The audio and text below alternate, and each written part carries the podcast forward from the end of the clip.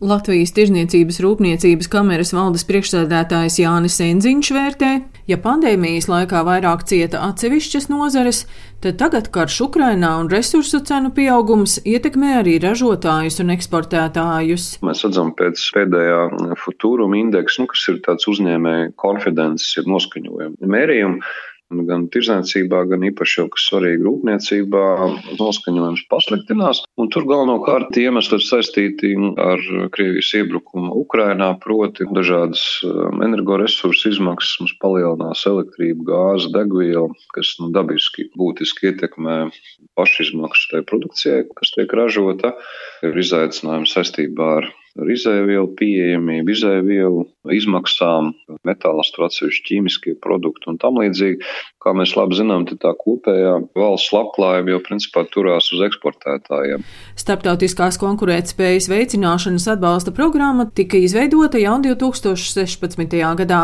Šīs programmas finansējums septiņu gadu laikā ir 30 miljoni eiro, no tiem iztērēti vairāk nekā 20 miljoni, bet turpmāk uzņēmumi varēs saņemt lielāku atbalstu nekā līdz šim, stāsta Lijā direktora vietniece eksporta jautājumos Iveta Strupkāja. Līdzšinējo 50% vietā atbalstu ir iespējams saņemt līdz pat 80%, un mainās arī kopējā summa, ko gada laikā var saņemt viens uzņēmējs. Proti tā ir palielināta no 40 tūkstošiem uz 70 tūkstošiem. Līdzīgi arī turismā, arī šeit ir palielināts gan pieejamais atbalsta apjoms, gan intensitāte. Turismā ir nedaudz paplašināts šo atbalstāmo aktivitāšu klāsts.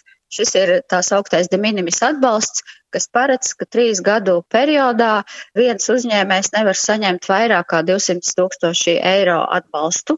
Un eh, tiešām jāsaka, ka uzņēmēji ir gana aktīvi izmantojot šo programmu.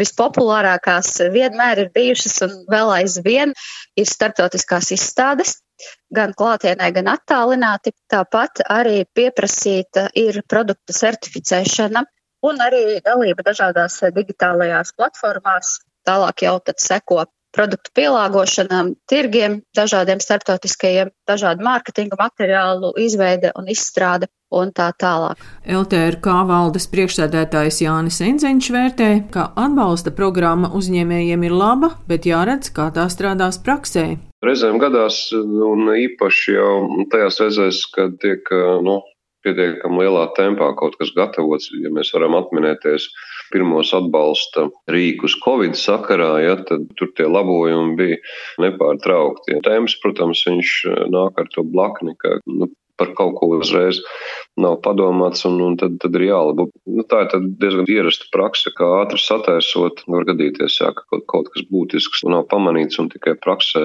jau piemērojot, tad var konstatēt, ka tur kaut kas pielabojums. Vai valstī jāpalīdz visiem uzņēmumiem, arī tiem, kas līdz šim sadarbojās ar riskantajiem Krievijas un Baltkrievijas tirgiem? Latvijas bankas vadošais ekonomists Uldis Rutkas te atgādina, ka finanšu nozare, kurā savulaik bija ļoti daudz Krievijas naudas un notika naudas atmazgāšana, jau ir veiksmīgi pārorientējusies, un tas jādara arī citu nozaru pārstāvjiem. Daļai no uzņēmumiem īpašniekos bija Krievu kapitāls. Daļa uzņēmumu ražoja tādas preces, pēc kurām pieprasījums ir Krievijā, bet varbūt citos tirgos pieprasījums pēc tādām precēm vai pakalpojumiem nav, ja tā kā tie iemesli ir bijuši dažādi. Un tāpēc šobrīd ir ļoti rūpīgi jāvērtē, vai vispār tam biznesam ir iespējas pārorientēties uz rietumiem. Tiem uzņēmumiem, kas ir gatavi un kas redz iespējas šajos apstākļos pārorientēties un beigt sadarbību ar Krieviju un, un uzsākt sadarbību ar citām valstīm, jā, tur, manuprāt, ir vērts sniegt zinām atbalstu tieši caur LIA, caur dažādiem altuma instrumentiem, kas palīdzētu meklēt jaunus tirgus un kas varbūt starplaikā tur nodrošinātu likviditāti.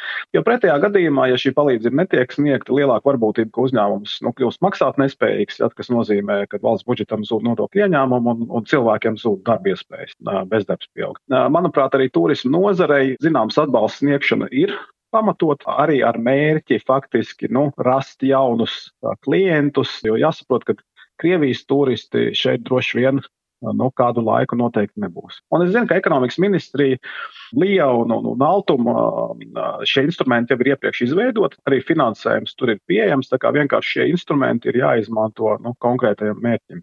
Lija starptautiskās konkurētspējas veicināšanas atbalsta programmai atvēlēs 5,5 miljonus eiro, atsevišķu finansējumu saņems turisma nozare. Daina Zalamane, Latvijas radio.